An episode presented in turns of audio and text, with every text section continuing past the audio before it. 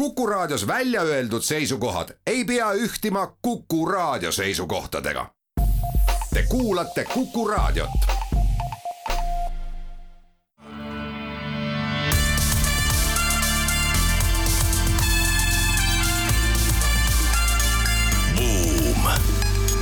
buumile annab hoogu SEB Pank tere päevast, head Kuku raadio kuulajad, kolmapäev, kahekümne kolmas november kahe tuhande kahekümne teine aasta. kuku raadio akna taga on ilus talveilm ja järgmise tunni jooksul läheb eetrisse majandussaade Buum, mis toob kõigi raadiokuulajateni põnevad majandus- ja ettevõtlusuudised laiast maailmast. saatejuhid on täna Ott Pärna ja Raivo Vare alustuseks räägime suurte tehnoloogiaettevõtete kokkutõmbamisest, täpsemalt sellest, kas see võiks olla tärkav, võib-olla isegi kümnendi võimalus startupidele, siis oma ridu vabade talentidega täiendada. seejärel räägime äri ehitamisest turbulentsetel aegadel, nimelt McKinsey on teinud uuringu üleilmse seitsmekümne viies riigis, mis näitas, et äh, uuest ärist ka vanade firmade poolt looduna on palju kasu. Edasi räägime juhtimise uudisest ja nimelt sellest, et Disney toob tagasi oma vana juhi ja selle taustal vaatame siis laiemalt, kuidas juhte valida ja, ja mis see juhtimiskunst tänapäeval üldse endast kujutab. seejärel räägime sellest, et sõda jõuab igasse valdkonda ja nüüd ka riskikapitalifondid on väljunud oma mugavustsoonist või ideoloogilisest nišist ja sisenevad sõjatehnoloogia valdkonda. Ja kergema uudisena räägime kokkuhoiust lennunduse moodi, nimelt aastast kaks tuhat kakskümmend seitse võidakse üle minna ühele piloodile ja tänaseks saatekülaliseks on meil Sten Tamkivi, riskikapitalifondi Plural kaasasutaja ja investeerimisfirma Taavet ja Sten partner.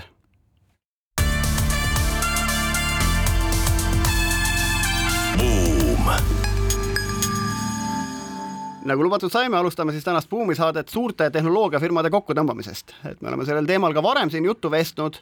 rääkinud siin firmadest, kes siis kümneid tuhandeid on koondanud ja tänases saates püüame otsa vaadata sellele, et kas siis see kõik võiks kuidagi olla nii-öelda mee moka peale määrimine startup firmadele, kellel on tekkinud siis kümnendi võimalus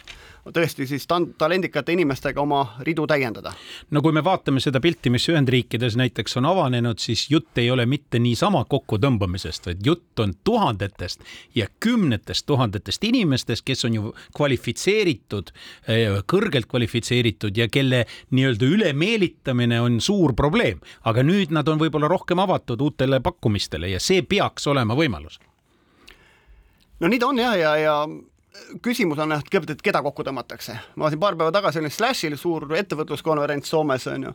Helsingi messikeskus rahvast paksult täis ehm, ja noh, räägitakse, et pigem tõmmatakse kokku kas siis uute toodete-teenuste arendamiselt ja oma nii-öelda selliseid rahalehmasid hoitakse ja pup-, puputatakse edasi,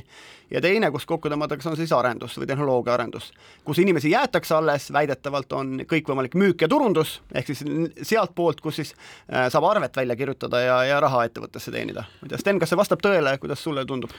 Ma ei usu, et seda niimoodi funktsioonhaaval liigitada saab, et tegelikult mis selliste, kui üldse võib öelda, mingi asi hea on selliste suurte kriisilõigete juures, on see, et tavaliselt see ei tähenda, et need inimesed ei saanud tööga hakkama.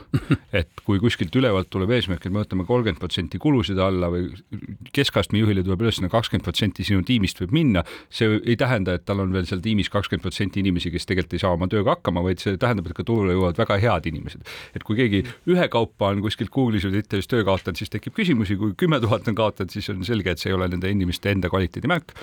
ja kindlasti, kui vaadata ka riskikapitali, siis äh, riskikapitalifondide sageli parimad äh, sellised vintage'id või, või perioodid, kust investeeritud fondid on pärast kõige suurema tootlusega, on kriisiaegsed fondid et kui kaks tuhat kaheksa oli kriis, siis kaks tuhat kümme, kaks tuhat kaksteist ajal tehtud investeeringud hiljem näitasid kõige suuremat tootlust ja tegelikult, kui mõelda, kes neid firmasid teevad, on ilmselt need, kes sellel hetkel pidid töökohta vahetama või otsustasid, et nüüd mul ei ole muud teha, nüüd ma pean selle ettevõtte no, sellel asjal on tõsi taga ka, sest ettevõtete valuation'id või siis nende tänased väärtused noh, poole võrra alla kukkunud on, juhul kui nad tahavad täna raha tõsta. kui nad ja. ei pea raha tõstma, pole probleemi. ja raha tõstmise mõttes äh, raha ei ole turult kuhugi kadunud, need fondid, kus oli eelmisel aastal raha, need on seal täna ka, ilmselt nad tahavad küll natuke madalama hinna pealt pealt siseneda, aga eriti just selles esimeses, see esi, kui head kogenud inimesed tahavad teha firmat, selle esimese raha kättesaamine ei ole nii hullusti kukkunud. aga ilmselgelt on see spillover efekt selles mõttes, et see on ju tegelikult nüüd nii-öelda suurtest ülejääv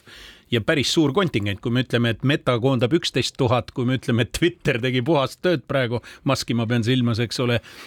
siis sealt ainuüksi juba tuleb selline noh, kvartaalse IT, suure big IT või teki koondamiste veerand või kolmandik ainuüksi kahest suurest firmast ja need inimesed ju nagunii peavad ju midagi tegema. Nad on ju aktiivsed, noored, valdavalt on ju noorema kaadriga veel tegu. nii et noh, midagi teha ei ole, nad hakkavad otsima uusi väljakutseid ja pooled neist on ilmselt sellised, kes lähevad sama valdkonnaga, aga teises kuues edasi. Ja nüüd hästi see, mis sa sobita, rääkisid sellest nii-öelda sellest uudsusest ja sellest kriisiaegsest spetsiifikast ka viisi poolt vaadates, siis minu meelest on äh, selle taga ka seesama noh, äh, nälg ma ütleks niimoodi, inimeste nälg, kaadrinälg, kes hakkab tegelema nüüd järsult uue asjaga vaimustunult, eks ole, see on täpselt see, mis on startup'i vaim. Täpselt nii. Ja, ja nende suhtarvude mõttes siis veel ma arvan, et nendest koondamitest üksi ei piisa kogu tehnoloogiasektori tööjõunälja jaoks, et kasvõi kui vaadata Eestis, siis selliseid nagu lehepealkirjade tasemel kriisikoondamisi on meil mõned üksikud olnud, sealt võib-olla on vabanenud mõnisada inimest. kui meil teiselt poolt sektor ütleb, et kuus tuhat või kaheksa tuhat inimest on puudu, et siis jah, see aitab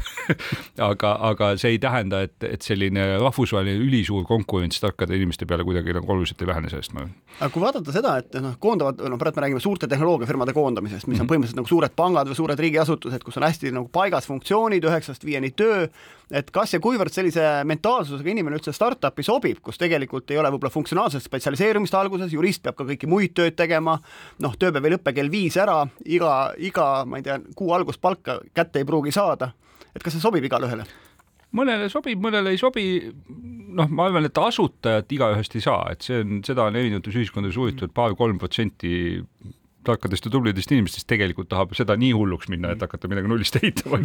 aga, aga ma ei näe põhjust, miks sealt edasi kakskümmend, kolmkümmend või kuuskümmend protsenti ei võiks töötada varasema faasi firmas, kui see nende eelmine. aga nende jaoks, kes ei taha seda, nende jaoks on ju teine lahendus, see on avalik sektor. ja sellest räägitakse päris palju ja sellest näiteks on Ameerikas nüüd hakatud rääkima ka sellest, et see kaitsetööstusele on tähtis, aga me tuleme selle juurde veel, veel tagasi kaitsetööstuse punkti all, ehk siis seal on stabiilne, isegi kavatsetakse see või tahetaksegi seda müüa nii-öelda potentsiaalsele kaadrile, et on stabiilne töö ja pika vinnaga ja nagu ikka see klassikaline avaliku sektori loom. Startup idest me saame natukese aja pärast edasi rääkida, aga McKinsey on tulnud välja põhjaliku juhtide uuringuga, kus ta siis analüüsib ja uurib juhtide innukust uusi ärisuundasid käivitada ja nimekspandav, kui see ei ole, kui ühelt poolt me räägime, et uute äride poole pealt koondatakse, siis juhtide innukus uusi ärisid teha või uutesse suundadesse minna on kõvasti kasvanud võrreldes varasemate aastatega. aga muidugi korrektsioon, uuring tehti seitsmekümne viies riigis ja, ja mitme tuhande õpile nii-öelda juhi vahel, aga see seejuures oli ikkagi suured firmad jutt on üle miljardiliste käibega firmadest. ja aga, aga kaheksast, kümme, kümnest juhist kaheksa ütles, et, et viie olulisema prioriteedi sees on mingite uute ärisuundade tegemine. no muidugi, kui me sinna sellesse asja sisse kaevame, et, et mida siis tehakse, noh, ütleme üle plaani, üle valdkondade on ennekõike tehnoloogia, tehisintellekti, kõige muu sellisega, digitaalsete teenustega eh, seotud teenused, on ta siis finantssektor, kaubandus et, et mis on mõneti ka nagu arusaadav, et, et, et see nagu loob lisandväärtust sinna olemasolevatele teenustele. mida nad näevad, on see, et nende uute teenuste või ärisuundade kasumlikkus peaks olema kõvasti suurem kui, kui vanadel, mitte kasumlikkus niivõrd, vaid väärtus äri, ettevõtte väärtuse kasvule. eks mitte niivõrd käibe kasvule. et ma, Sten, sa kunagi ühe oma ettevõtte müüsid ühele kolimisfirmale maha. kas see osteti just nimelt sellepärast ära, et ennem kapitali kaasamist ta ostis, et, et paista ägedam, et meil on see uus ärisuund ja selle läbi siis ettevõtte väärtust kasvatada, noh ilmselt käive käivet kohe otsa ei andnud? see jah, no ütleme see, see, kes selle ettevõtja ostja oli ikkagi ise tarkvarafirma, kes nagu nii-öelda raputas seda kolimisfirmade turgu. ehk siis ta ikkagi, me olime nagu selles suhtes nagu ühel pool lauda, kes arvasid, et see vanamoodi äri on liiga halvasti ja igavalt ja ebaefektiivselt tehtud et sellepärast sobis see kokku. aga mis ma jäin mõtlema selle uudise peale, kui ma arvan, et siin on ka üsna erinev see, et kui sa küsid mingi eh, suure et, vana ettevõtte juhi käest, et mis tema jaoks on innovatsioon, et kui kaugele tulevikku, kui riskantsetele aladele ta mõtleb. et noh, et stiilis, et, et kui sul on näiteks mingisugune finantsettevõte, et kas ta mõtleb, et ohoo, et me peaks oma Äh, tegema mobiiliäpi ja see tema jaoks on tohutu innovatsioon või aga võib-olla tuleb hoopis krüpto ja sööb tema lõuna kahe aasta pärast ja selle peale ta ei julge isegi mõelda veel. aga uuringust tuli siiski välja, et nad loodavad, et kasvab äh, kuskil viis protsenti ärikasum selle arvelt, et nad tulevad uue liiniga, äriliiniga välja ja tegelikult kokku nüüd traageldati, ma küll vaatasin seda kalkulatsiooni McKinsey'l, see oli nüüd natukene selline ekstrapoleerimisel põhinev nii-öelda, mitte päris nüüd äh, kindlal matemaatikal põhinev arutluskäik, mis viis selleni, et nad eeldavad nüüd, et see kontingent, keda nad küsitlesid, kahekümne seitsmendaks aastaks, see on siis täna vähem kui viie aasta pärast, suudavad kasvatada kahekümne üheksa protsendi võrra oma oma äh, ärikasumit, noh, ütleme niimoodi kuni kolmandikuni. seda pole enam siiski vähe, arvestades, et tegu on ka suurte firmadega, samas palju ka ei ole. tegemist on ägeda ja põhjaliku uuringuga ja me paneme selle lingi oma Buumi saate Facebooki lehele üles, et tudeerige seda, aga teeme siin väikese pausi, siis tuleme juba meestega tagasi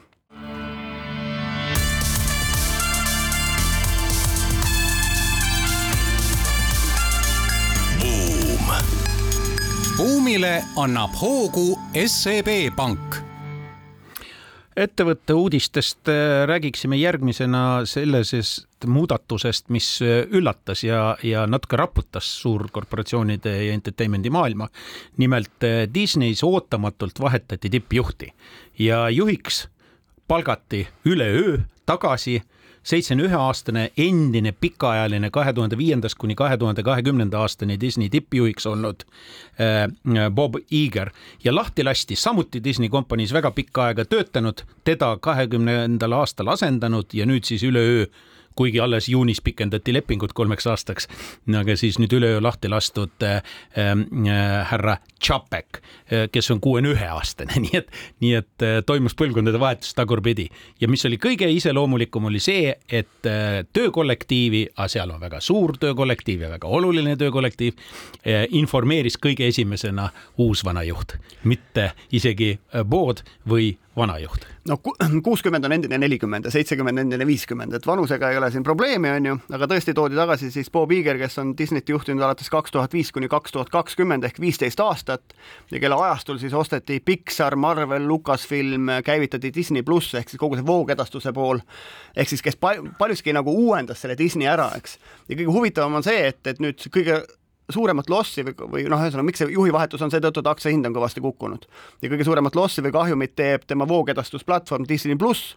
mis on ometi jällegi imelik, et, et Covidi ajal just nagu inimesed istusid teleka ees ja vaatasid Netflixi või kusjuures alguses läkski väga hästi, selle voogedastus nii-öelda turule tuli väga võimsa pauguga, aga nüüd ta väidetavasti pidi tootma poolteist miljardit kahjumit ja seda pannakse loomulikult äh, juhile süüks. muuseas, voogedastus äh, enda nii-öelda käivitas veel seesama eelmine või nüüd siis uus juht. noh, Disney on selles mõttes äge firma, et erinevalt võib-olla siin, ma ei tea, Netflixist või teistest tehnoloogiafirmadest, kes tegelikult põhimõtteliselt rakendavad tehnoloogiat ja infrastruktuuri, Disneyl on väga palju content'i, kõik me teame neid piiluparte ja Plutosid on ju, need on tal kõik olemas ja need kõik suudavad raha teenida. ehk siis, et äh, ma üldse ei muretse nagu Disney tuleviku pärast, et, et on noh, üks ägedamaid firmasid content'i mõttes, arvestades, et tal on kõik need Pixarid ja asjad ja nende filmid ka ju. et pigem on see, et, et kuidas seda äri, ärimudelit võib-olla turule paremini presenteerida, et, et ka siis aktsiahinnale kuidagi positiivselt mõjub no, ja juba ja... praegult tegelikult aktsiahind tõusis vist kuus või seitse protsenti. korraks hüppas üle üheksa isegi ja nüüd on üle kuue on ta tõusnud. aga samas ta oli ka kukkunud üle kahesaja pealt üheksakümne ühe koma kuue peale, nii et oli põhjust ka natukene. muuseas, see sisu osas tahaksin rõhutada, et just seda uut vana meest ehk Igerit peetakse just väga heaks sisumeheks ja tema vahepealset asendajat äh, süüdistati selles, et ta liiga palju tahtis ise asju ruulida, mida ta tegelikult ikkagi hästi ei vallanud, ta on rohkem organisatsioonimees mees, hoidis hästi palju kokku ja nii edasi, tegi, tegi käsu kä,, käsin, keelan ja poon ja lasen ja äh, käis kohut siin äh, isegi Scarlett Johansoniga ja selle Black Widow pärast ja, ja kõik muud taolised asjad, mis kõik kiskusid aktsiahinda alla. aga nüüd tuleb mees, kes oskab käituda ja sisu toota ja see on Disney põhiäri.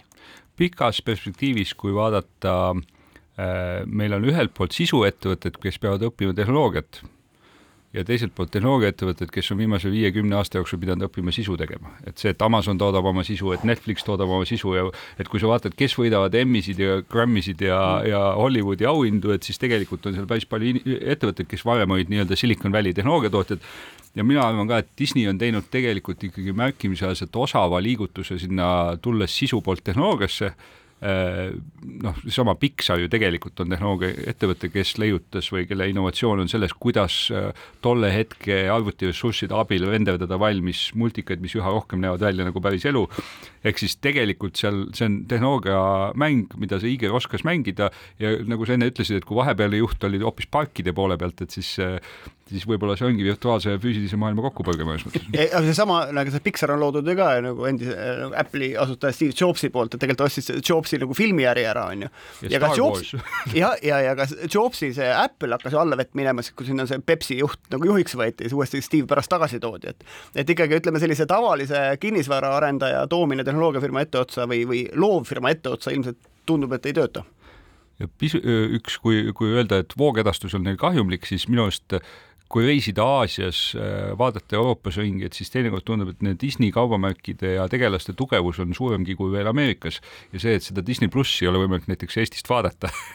et võib-olla seal on see kasum peidus, et kas see, see ei ole minu arust kogu maailmas vaadatavaks muutunud nii kiiresti, nagu ma arvan, turg ootaks. ei, ta on juba Eestis vaadatav, aga põhimõtteliselt on sul õigus ja, ja tegelikult ka selles voogedastuse probleem oli selles, et et kuigi ta alguses sai palju subscription'it seoses sellega, et oli ka see Covidis koduistus, kodus istumise aeg ja nii edasi, siis kaotati nagu see dünaamika hetk ära ja siis tuli see Netflixi probleem peale. Netflixi probleem on nimelt siis avastati, et eh, Netflix ei tooda nii nagu vaja eh, raha mõttes ja, ja sealt hakkas nii-öelda kogu sellel sektoril natukene halvemini minema ja selle vastuseks sellele nüüd see eelmine juht, kes oli organisatsiooni mees, otsustas kokku hoida ja järsult tulusid tõsta. muuseas Disney plussi subscription fee on tema kavade järgi peaks nüüd tõusma kohe, kohe kolmkümmend kolmkümmend kaheksa protsenti, selles äris nii ei tehta mm.. ja see oli üks probleem ja see hoopis peletab eemale klientuuri, nii et nad otsivad uusi ideid ja sisu aitab. no kui vaadata tagasi sellesse McKenzie uuringusse, millest me rääkisime, siis selline ettevõtlussektor nagu advanced industries, mida iganes ta tähendab, aga nende kõige olulisem ähm, nagu tuleviku mõttes investeerimine, kui me uutest äriprojektidest äh, räägime, on füüsilised produktid või tooted. et ma üldse ei imesta, et, et McKenzie või see äh, Disney läheb siit mingitesse füüsilistesse toodetesse võiks minna lisaks. näiteks miks mitte hakata tosse tootma nende Pluto piltidega, on ju, kui me vaatame, kui hästi läheb Nike'il näiteks. keegi teeb seda, aga need ei ole Disney ise. tossude äri maailmas ja nende kasutatud äri ja nende kollektsioneerimine, kõik see muu on väga suur äri. et Disneyl on noh, teid küll, kuhu oma nende nende Miki Hirtega minna. muidugi see ei saa kerge teekond olema, sest mitmed aktivistinvestorid, kes on seal oma alla viieprotsendilise, kuid suure osalusega, on seal osaliselt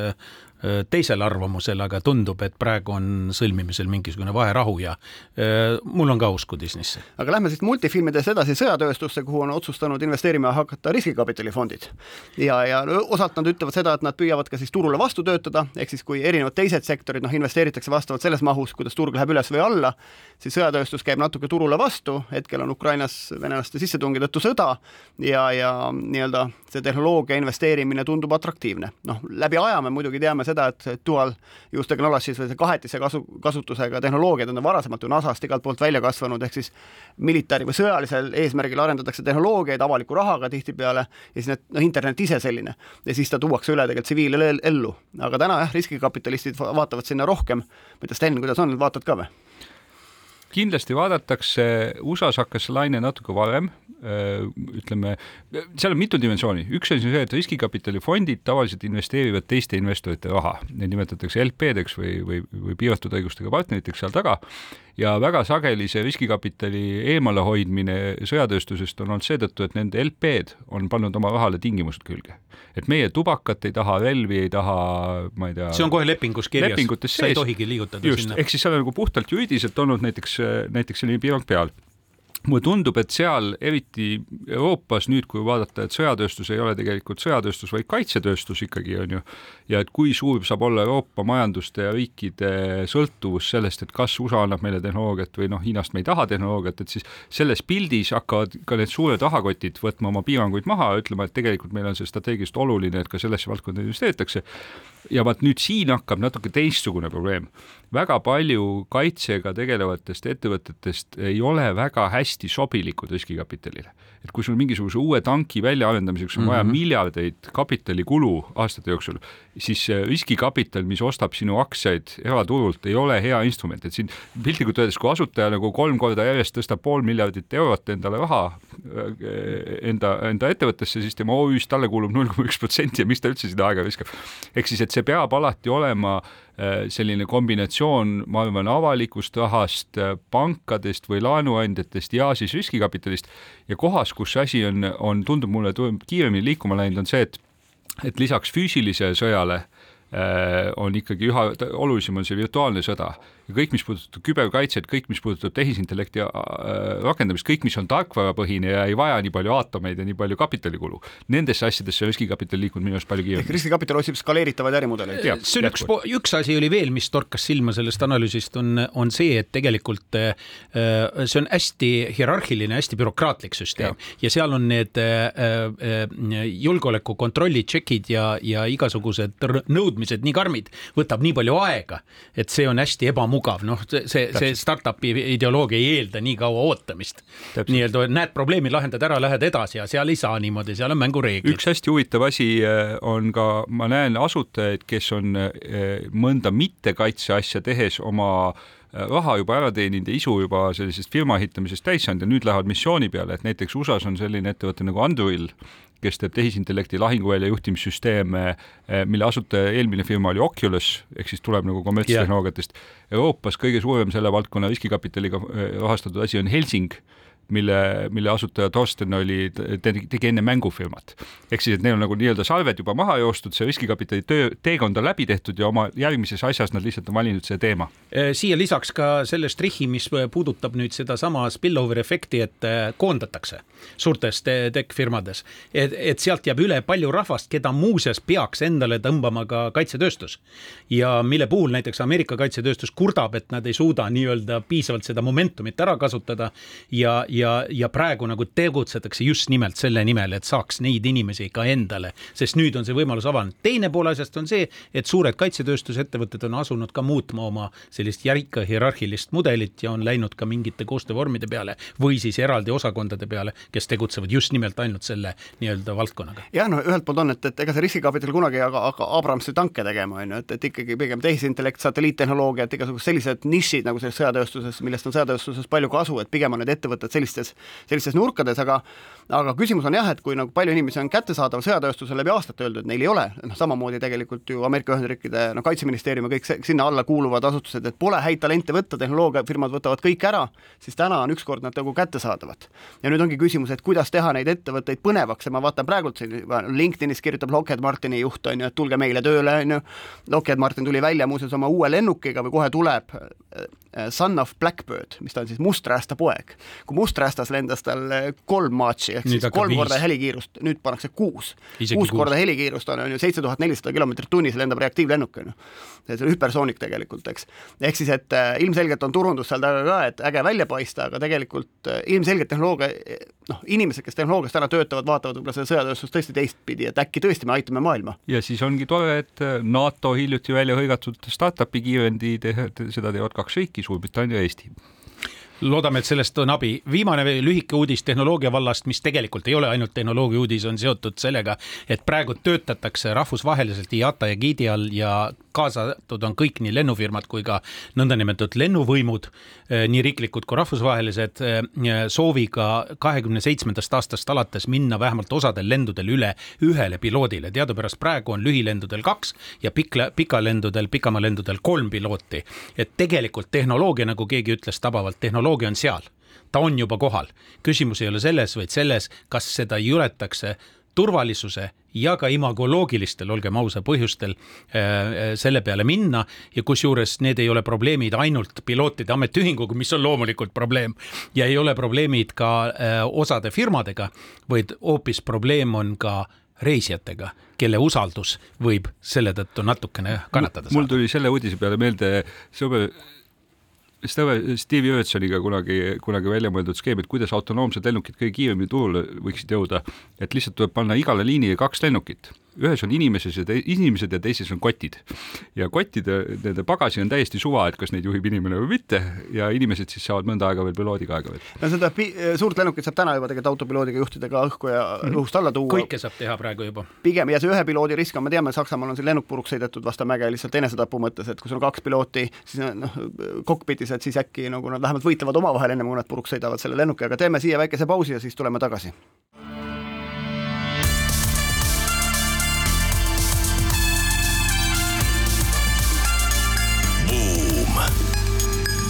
Buumile annab hoogu SEB Pank jätkame majandussaadega Buum, saatejuhid Ott Pärna ja Raivo Vare ja tänaseks saatekülaliseks on meil Sten Tamkivi, kes on ametlikult riskikapitalifondi Plural kaasasutaja ja investeerimisfirma Taavet ja Sten partner. no Sten, räägi maakeeli, mis sa siis täna teed, mis sul südame võib-olla kiiremini tööle paneb ja, ja kuhu sa oma aega, aega panustad? Mina teen ikka seda, mis ma viimased paarkümmend aastat olen teinud, et katsun alustava faasi tehnoloogiaettevõtetega maailma muuta. lihtsalt võib-olla mu enda roll selles pildis on muutunud, et kui ma vahest olen neid ettevõtteid kas ise juhtinud või, või asutanud, et siis, siis nüüd ma olen rohkem investori rollis äh, ja, ja see tähendab seda, et kui äh, minu või Plurali juurde, meie juurde tuleb äh, mõni alustava faasi Euroopa ettevõtja, kes räägib väga heast plaanist, kuidas maailma muuta, siis me sageli anname talle esimesed mõned miljonid raha ja paneme ka ise käed külge, et see Plurali, meie struktuuri nagu eripära on selles, et Plurali kaudu investeerivad ainult äh, inimesed, kes on ise ettevõtteid äh, loonud ja ehitanud ja sealt tuleb nagu teataval määral sellist teistsugust empaatiat, et me ei, me ei vaata nagu iga ettevõtet nagu Exceli tabelit või, või ei lähe see nagu pankuri pilguga, vaid, vaid pigem, et kuidas me saame selle ettevõtte trajektoori oma osalemisega kuidagi. aga milles see osalus seisneb, toon näiteid praktilisi praktilisi näiteid äh, me oleme näiteks äh, minu viimasest paarist investeeringust üks on NFT port, mis on Eestist alguse saanud äh, kodaniku poolt omatavate andmete infrastruktuuri ehitav ettevõte, kus me sel aastal panime kokku kahekümne kuue miljoni dollarise investeerimisringi, mida ma Bluewelli alt investeerides juhtisin, ehk siis suurema tüki sellest pani Bluewell ja samal ajal minust sai ka selle ettevõtte hiline kaasasutaja, ehk siis, et selle ettevõtte tegemistes ma osalen nagu äh, iga nädal mingisuguses väikses rollis, mitte kaugeltki mitte täisajaga, aga võtsin enda mõned kohustused, mida ma selles vean. Ja või, või Ready Player Me, üks teine Eesti ettevõte, mille me avastasime eelmisel aastal äh, ja aitasime neil jõuda kuue ütleme üheksa kuuga nüüd selleni, et äh, suured Ameerika riskikapitalistid rahastasid ka järgmise ringi ja selle eelduseks on see, et teatava progressi ülesehitamine seal ettevõttes. kas võib öelda, et tegelikult äh, sa oled varajase staadiumi investor, kuna sul on spetsiifiline know-how väga, väga nii-öelda käppas, arvestades sinu elukäiku ja nüüd sa tegelikult viid need ettevõtted järgmisesse faasi mingil hetkel, kus sa saad minna suure raha järele VC-de juurde, kes on noh, Ameerikas eelkõige, kes on kõige suuremad tegijad. ja, et me Blue's tahaks näha seda, et, et see ettevõte ilma meieta, kui nad lihtsalt kuskilt raha oleks saanud, oleks arenenud vähem kiiresti kui mm, -hmm. kui nii, kui meie seal käed külge paneme ja, ja tegelikult selle, mida me tegelikult otsime ja mida sageli ettevõtjad, see ei ole nagu minu või, või meie spetsiifiline Taavetiga või kuidagi nii, et et mida me otsime, on võimendus et, et see, et sa, kui sa ehitad ühte ettevõtet, paned sinna kaheksakümnetunnised töönädalad sisse ja siis kümne aasta pärast oled ühe unicorn'i ehitad, et me otsime nagu seda, et kas me kuidagi oma kompetentsi nagu laiali hajutades, raha sinna kaasa pannes suudaksime ehitada sada ettevõtet selle kümne aastaga, mis omakorda võiks viia selleni, et me Eestis me oleme juba natuke harjunud sellega, et idufirmadel on selline protsendipunktides mõju GDP-le või sisemajanduse kogutoodangule, et miks mitte ei võiks Euroopas olla seda ja see eeldab, et meiesuguseid investoreid oleks Euroopas rohkem ja et me kokku rahastaksime rohkem ettevõtteid ja aitaksime neid kiiremini suuremaks kasvada. Plurali taga on siis Sten Tamkivi ja, ja Taavet Hindrikus, aga on seal teisi ka või kes need teised ja, on? ja me ehitame seda platvormina selles suhtes, et me ei taha ehitada väikest niisugust äh, riskikapitali butiiki, mis jääbki nende ühtede inimeste külge kinni. et alustajad olime tõesti meie Taavetiga ja Ian Hogarth, kes on sellise Briti ettevõtte nagu Songkick asutaja ja Khaled Heliui, kes on Põhja-Aafrikast pärit Prantsusmaal üles kasvanud äh, mängutööstuse CEO endine ja me, meie visioon on selles, et me ehitame struktuuri, kus meiesuguseid saab liituda veel, ehk siis täna tegelikult Plurali kaudu on investeerinud juba seitse erinevat äh, endist asutajat, kes siis mingitesse ettevõtetesse on sisse läinud ja me tahaksime, et neid oleks kümme ja kakskümmend ja nii edasi. ja üks oluline võrdlus USA ja Euroopa vahel siin on see, et äh, kui vaadata Ameerika Ühendriikide tippriskikapitali ettevõtteid, neid Sequoiasid ja Andreessen Horowitz'i ja keda kõik äh, ka Euroopas teavad, siis üle kuuekümne protsendi nende partneritest on ise elus ettevõtet ehitanud. ja Euroopas me avastasime, et see protsent on kaheksa ütle uuesti, kuuekümne asemel kaheksa? kaheksa ja, ja see ei pea kunagi olema sada, sest mida suurem ja vanem on ettevõte, mida keerulisem kapitalistruktuur, seal on ka neid konsultandi ja pankuri oskusi vaja, mis on nagu domineerivad Euroopa riskikapitalis. aga meile tundub, et seal sellises eriti varajases faasis, kus on väga palju niisugust tööd, visiooni, esimeste inimeste nagu kaasameelitamisega, töötajate palkamisega, klientide leidmisega, et seal on sellist nagu reaalset hands-on kogemust vaja ja no.. siit ongi see Plurali nimi, nüüd ma sain aru, mis Jaa, see mõte täpselt. seal taga on. ja kui, kui suured pangad ja investeerimisfirmad võtavad MBA-sid ülikoolist, on ju, siis äh, ütleme, riskikapitalifirmad, kuivõrd nad on nii hands-on nende projektidega, siis sul on vaja inimesi, kes suudavad siis ka nagu päriselus projekti toetada lisaks rahale ja siis on arusaadav, miks selliseid, selliseid kompetentse vaja ja me näeme ise ju, no ma ei tea, Hardi May- Maybaum on ju, müüs oma startup'i maha Iisraelis siin 3D printimise firmale, GrabCAD-i siis on ju, ja järgmine päev põhimõtteliselt oli partner selles samas firmas, investeerimisfirmas, kus, kes kunagi varem GrabCAD-i investeeris, et, et ju nii need investeerimisfirmad ka kasvatavad just seda management poolt. aga Hardi on ka suurepärane näide, sest Hardi ei jäänud sinna ettevõttesse ja selle on ka terve ports põhjusi, ehk siis mõnes mõttes see Plurali selline platvormi ehitamine tähendab seda, et me peame ehitama toodet, mis aitab neid idufirmasid, keda me toetame ja ka samal ajal me ehitame ka toodet äh, nendele endistele ettevõtjatele, keda me naljaga pooleks kutsume unemployables ehk siis mingil põhjusel riskikapitalifirmad pole suutnud neid palgata. kas siis sellepärast, et seal on liiga, liiga paindumatud struktuurid, kas seal on liiga selline advokaadibüroolik hierarhiline juhtimine või kollektiivne otsustamine, et me, me järjest neid probleeme uurinud ja katsume ehitada toodet, mille peale nagu äh, inimene, kes on ehitanud näiteks kümme miljardit eurot väärt ettevõtte, riskikapitalis täisajaga töötada ei taha, aga Plurali kaudu ühe ettevõtte aastas võiks investeerida küll ja et me, me kujundame oma nagu seda toodet ka nende ehk jaoks. siis äh, rikkad inimesed, kes eelistavad suvilas veetmise aega nagu päris, päris full-time töö tegemise peale. aga mis asi see Plural on, on ta, ta ei ole ju fondijuhtimisettevõtete mingeid lepingulisi fonde kokku panete, te olete pigem selline äriinglite selline, ma ei tea, sündikaat või? ei, me ikkagi jõudsime kahjuks selleni, et me pidime fondi ka tegema. meil on, Plural on ühest küljest on fondi juhtimisettevõte, kus siis äh, me ehitame, arendame seda toodet, protsessi, tarkvara, et need inimesed koos tööle panna. see, sa mainisid rikkad inimesed, see ei pruugi alati nii olla. Eesti, Euroopas eriti on ka väga palju edukaid ettevõtteid, kes näiteks, kelle ettevõte ei jõudnud äh, börsile minekuni või kellel ei ole isiklik vara nagu mõõtmatult suur, et see, et me kaasasime, me kaasasime selle aasta alguseks kakssada viiskümmend miljonit eurot oma esimesse fondi ja see mängureegel seal on ka, et iga ettevõte, kuhu Pluraliga koos investeeriv ettevõtja investeerib, sinna ta paneb alati oma raha aga meil ei ole vahet, kas ta paneb sinna viiskümmend tuhat eurot või ta paneb sinna kaks miljonit eurot, oluline on see tema jaoks oluline summa ja see, mis puudu jääb, saab ta võtta Plurali fondist. ehk siis, et see fond on pigem just selle nagu varem kogutud jõukuse tasandaja, et, et head ko- kogenud operaatorid saaksid teha oma tööd sõltumata sellest, kui rikkad nad on. aga te teete alustavat faasi A-raunde või kui kaugele te lähete? põhiliselt äh, seemne või seed ja A-raundid, meie keskmine investeering on olnud suurusjärgus viie miljoni euro ümber noh, sisuliselt ühest kümneni on selline meie mugavustsoon. aga mis teie portfelli struktuur on äh, geograafiliselt, kuidas see välja näeb? Eesti maini eraldi ära. Äh, meil on tugev Euroopa poole kalle, esiteks seepärast, me oleme kõik eurooplased, meile tundub, et Euroopas on selline vaakum asjadest, mis on näiteks USA-s juba lahendatud niisugune teatav patriotism on selle asja juures ja Eestist vaadates ka see, et kui me Euroopa, Eestit võib vaadata kui niisugune minimum viable country, et kui sa oled Eestis juba kolm protsenti GDP-st ära teinud, miks mitte teha seda Euroopas, et tõ- tõestus on ju olemas, saab, saab ju küll. aga samal ajal meil nagu niisugust juriidilist otsest piirangut ei ole, et kui me näeme väga head näiteks Euroopa asutajad, kes on otsustanud oma ettevõtte USA-s teha, et ega ta sellepärast meil toetamata ei jää. oskad sa niimoodi noh, nipsust öelda proportsiooni, palju teil praegu portfellis on sellist? praegu on kaks kolmandikku Euroopas umbes ja Eesti? Mm,? peast ei oska, ma arvan, mingi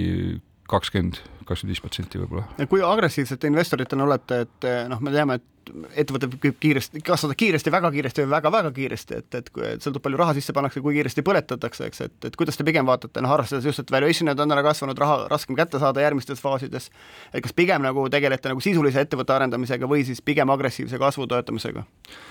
On mõlemat, on, on äh, meil juba täna ka mõned ettevõtted, kes on sellise ülisügava tehnoloogia poole peal, kes on küll laborist juba väljas, aga tooteni läheb veel paar aastat aega ja kuhu me julgeme sisse minna. Ja on teised, kes on pigem kiires kasvufaasis ja kus meil on vaja leida partner, kes on seda, seda poolt enne näinud.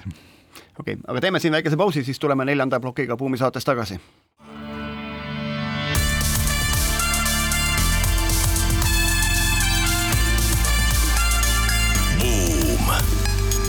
buumile annab hoogu SEB Pank jätkame majandussaatega Buum, saatejuhid Ott Pärna ja Raivo Vare ja tänaseks külaliseks meil Sten Tamkivi riskikapitalifondist Plural, seal on kaasasutaja koos siis Taavet Hindrikusega. Sten, kui me eelmine plokk rääkisime sellest, mis sa tööalaselt teed, et, et kui sa parasjagu tööd ei tee, mis sa siis teed? mul on äh, suur pere ja ko-, ja koer. ja koer ja, ja, ja see tähendab muidugi niisugust äh, korralikku aja balansseerimist ja sellist, äh, et, et kõigi jaoks ikkagi aega leida. aga, aga lisaks äh, selliste Taavet pluss Tenni ja Plurali kommertshuvidele meil on ka terve rida selliseid ühiskonna edendamise asju, mis meile korda lähevad, et Taavetiga eriti hariduse poole pealt, et noh, Jõhvi programmeerimiskool Kood, Äh, mis, mis äh, nüüd võttis oma teise seltskonna vastu ja siin järgmine nädal avab oma uue maja, mida me oleme kaua oodanud Jõhvis ja loodetavasti kogu Jõhvi on oodanud. Äh, siis on meil ettevõtjate poolne haridusfond, mis investeerib varajastesse selliste eksperimentidesse, kuidas haridus, haridussüsteemi paremaks teha. siis ma olen veel Vabamu nõukogus, mis mille missiooniks on põhimõtteliselt see, et äh, Eesti ei oleks enam kunagi üksi ja, ja jamas ja Eesti vabadust äh, hoitaks, mis on väga huvitav äh, teema, millega mina hakkasin kuskil viis aastat tagasi tegelema, kuna mulle tundus, et Eesti põlvkond minust natuke nooremaid ja minu lastepõlvkond, kellel puudub otsene kogemus Nõukogude okupatsiooniga, juba vaatavad seda kui niisugust kauget muinasjuttu mm. ja et need, seda, kuidas me neid lugusid räägime ja talletame, on vaja muuta see, mis tänu Ukraina sõjale nüüd Vabamu ümber on toimunud ja kui aktuaalseks see vabaduse hoidmine ja kaitsmise teema on muutunud ja see, et sinna minu, minu arvates erasektor ja ettevõtjad panustaksid, lisaks et see oleks mingi riigi ajaloo asi. Et see on minu arust ülioluline. Ja selle raames on hakanud välja kasvama asju, näiteks me oleme jõudnud selleni, et üks Eesti vabaduse garantiisid on, mida võrgustunum, mida ühendatum on Eesti ka ettevõtlus ja majandus, idufirmad teevad seda niikuinii, aga näiteks, et Vabamuga koos me nüüd rajasime Tartu Ülikooli juurde sellise asja nagu CDL, mis on pikemalt öeldes Creative Destruction Lab, mis on globaalne võrgustik, mille kaudu äh, maailma tippülikoolide juures aidatakse äh, teadustiimidel teha teadusmahukaid ettevõtteid, mõnes mõttes neid inkubaatoreid on ju enne olnud ka, aga meie idee on selles, et, et näiteks kui CDL Oxfordi mentorite nimekirja vaadata, siis on seal suurte farmafirmade nõukogu esimehed ja Google'i CFO-d ja ja et seda kaliibrit rahvusvahelist talenti nii ettevõtete poole pealt kui ka mentorite poole pealt tuua ja hakata regulaarselt Tartus käima, mida rohkem on maailmas inimesi, kes tunneb, et vot Eestis tehakse ägedaid asju, mina sain oma ettevõttele tõuke Eestist igasuguse turvalisusjama puhul on neid inimesi, kes meile pöialt hoiavad ja suud kinni ei hoia, on üha rohkem ja, ja no ma tean seda asja teiselt poolt, et Tartu Ülikooli Delta keskus on seal partner või Delta Management School, eks, et ja, ja, ja me näeme ju seda, et vot ütle, kes on su sõbrad, ma ütlen, kes sa oled. ja täna me näeme seda, kuidas seesama noh, Toronto ülikoolist välja kasvanud CDL või Creative Destruction Lab või, või või Whartoni ülikooli või, või Pennsylvania ülikooli Whartoni School tahavad teha koostööd meie Tartu Ülikooli Delta keskuse Delta Management Schooliga, et see on noh, et ju siis midagi põnevat siin toimub mm -hmm. ja, ja akadeemiast veel kaks sõna rääkides, siis minu arust vaata, meil on vanu, vanu ülikoole, noh, Tartu Ülikool on ka muidugi vana, aga Oxford, Cambridge, LSE, sellised äh,, Imperial College äh,, nüüd Harvard, kõik sellised, kellel on nobeliste nagu pikk pink, on ju. ja siis on uue aja ülikoolid, kus neid nobelisti pikka pinki ei ole aga nad ometi on kuidagi rohkem rahvusvahelised, nad on rohkem võrgustikupõhised, seal on valdkonna ägedad inimesed kõik läbi käinud, aga nad ei ole seal nii-öelda oma tooli nagu jalga kruvidega maa külge kinni nagu lasknud või pole seda teinud ostetud, selle tooli, nagu ma ei tea, Singapuri ülikool tegi Kofi Annani kabinetti, ma ei tea, mitu korda see Kofi Annan seal käis, aga ühesõnaga, et neil oli kabinet seal tal, eks. et, et see nagu näitab, et me midagi teeme akadeemias õigesti ja, ja sõltumata sellest siis noh, et kas meil siis parasjagu neid nobeliste on või ei ole. aga sa oled, Sten, mentor ja, ja räägiks nüüd selle nurga alt ka nii-öelda, kujutame ette, et ma olen algaja ettevõtja ja ma tahaks su käest nõu saada, et kuidas ma peaksin käituma, ükskõik mis tehnoloogilise valdkonnaga parajati mu nii-öelda äriidee seotud on, kuidas, mis siis edasi toimub, kuidas sa vaatad nüüd omalt poolt selle peale, nii investori kui mentori loogika? No seal kahjuks või õnneks, eks ma katsun alati leida aega ja kohtuda inimestega ja kuulata need plaanid ära, natukene seal, mida, mida suurem konkurents on su ajale nende kõikide nende projektide ja algatuste ja ettevõtete ja fondide ja kõige poole pealt, et seda, seda karmimaks läheb ka filter, mis võib-olla eh, kohad, kus ma eelmisel aastal või üle-eelmisel aastal oleks võtnud veel pooletunnise kõne, siis ma esimese vastuse kirjutan lihtsalt emailis. aga kust sa tead seda kirjutada, mille pealt sa kirjutad selle? no üldiselt nutikad ettevõtjad ikkagi leiavad, leiavad su meiliaadressi või LinkedIni või Twitteri ja siis vaatad, mis, mis sinuni jõudis ja ja siis, siis mul on selline zen-budistlik lähenemine emailile, et, et ma olen nagu budistlik munk, kes istub voogava jõe ääres ja vaatan, kuidas kõik need tuhanded emailid minust mööda vuhisevad ja aeg-ajalt ma sijutan oma käe sinna sisse ja võtan sealt mõne. aga sügavalt sisemas ma tean, et, et ka need emailid, mida ma esimesel katsel ei jõua, küll nad kunagi jõuavad minuni. see Kochi kalade loogikat kasutades eeldaks seda seal jões, et, et vaatad ainult neid, mis on teatud värvi, mis sulle sobib. ma ei tea, kas sulle meeldib punasem või kul-, kuldsem, aga siis valid ainult neid, ülejäänud jätad voogu. üldiselt seal aitavad paar asja, on see, et kui ettevõtja on ikkagi natukene, kes kontakti otsib, on natukene läbi mõelnud, miks just sina ehk siis, et ma ei tea, et see, mida ma teen, on seotud selle teise asjaga, kus ma nägin, et sul oli mingi arvamus või, või sa oled enne selle ettevõttega seotud olnud, mul on mingi sarnane asi, et et selline, et on näha, et see, ei ole juhuslik, et ma saadan sajale inimesele meili, et kes minuga peaksid telefonikõnesid tegema. Ja teine asi on, mis selles kahjuks või õnneks sellises riskikapitali maailmas väga hästi töötavad, on üksteisele soovitused. et kui sa leiad kedagi, kes, keda, keda näiteks investor juba usaldab ja saad selle inimese vahendama, et te peaksite rääkima, siis sellel on tavaliselt mingi tugevam signaal küljes. see, see Pudamunga mõte, millest sa rääkisid, see oli sul minu arust kunagi meili auto play, onju, aga, aga see selleks, me mõtlesime, et seda viimast plokki siin meil on nüüd jäänud siin mõned minutid aega, et teha sellist nipiplokina et, et küsimused-vastused, et, et mis sa arvad asjast, et kõigepealt, et et kui sa Google'i firmasse investeerid, mida sa juhilt eeldad ähm,? või millist juhti? väga varajases faasis äh, on suht suva või, või mida noored ettevõtjad sageli räägivad sellest, mida kõik plaanivad ehitada ja milline toode on tegelikult päeva lõpuks sellest on suht suva, kuna on täiesti kindel, et esimese kaheksateist kuu jooksul see tootejuht nagu muutub kardinaalselt siis, kui ta turuga kohtub. see tuntud kõver, arengukõver. ehk siis seal ikkagi hakkavad mängima sellised isikuomadused nagu äh, suutlikkus ennast äh, selgelt väljendada, struktureerida oma plaane, sõna pidada, olla järjekindel ja püsiv äh, müügioskused, sest varase faasi ettevõtja, isegi kui ta on insener ja mõtleb, et müüma ei pea, siis tegelikult ta peab müüma oma ettevõtte esimesele töötajale ja müüb oma ettevõtet investorile ja nii edasi, et isegi kui selle toote müügile läheb veel aega, ehk siis sellised äh, oskused. Ja on üks, üks niisugune asi, mida nimetatakse, äh, palju räägitakse inglise keeles sellisest terminist nagu product market fit või nagu toote sobivus turule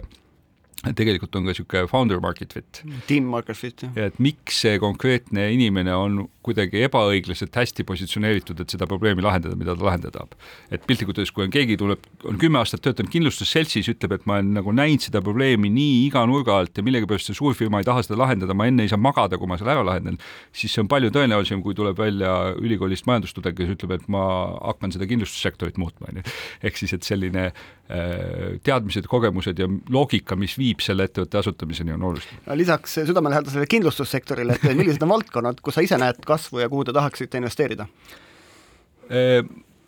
mul on see päris palju ajas muutunud, kuna ma olen selline, mulle meeldib uus ja ma otsin kogu aeg natukene sellist elevust ja värskust ja võimet, suutlikkust õppida ise ka, et mul ei, ma ei ole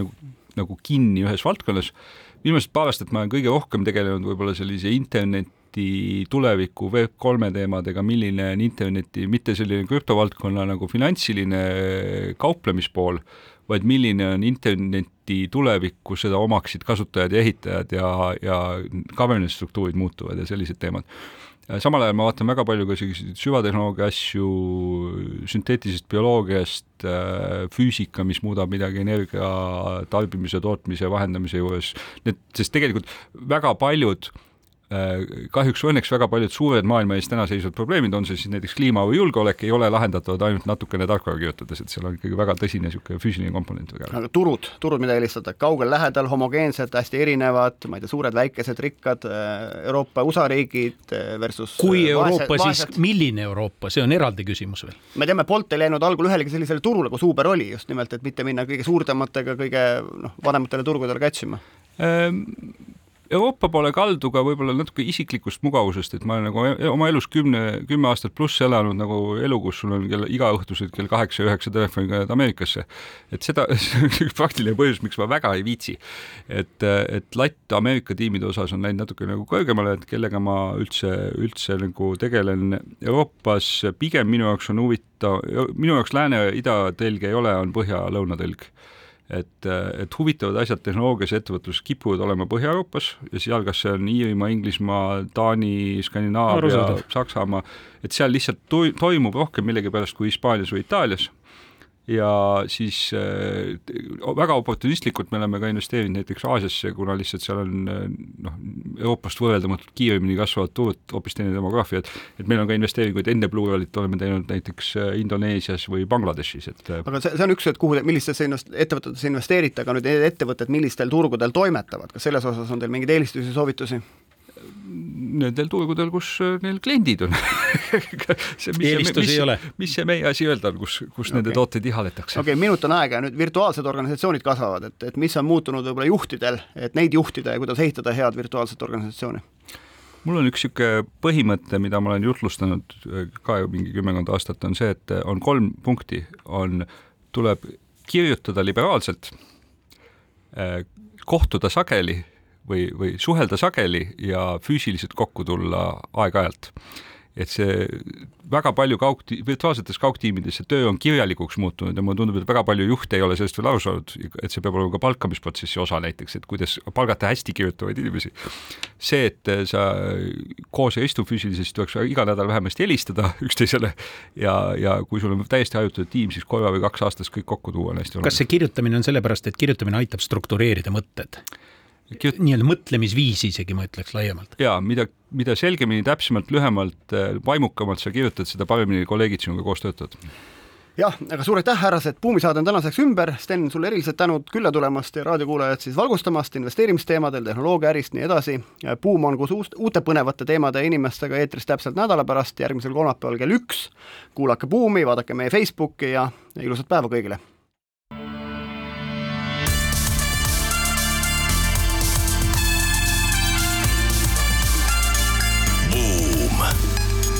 buumile annab hoogu SEB Pank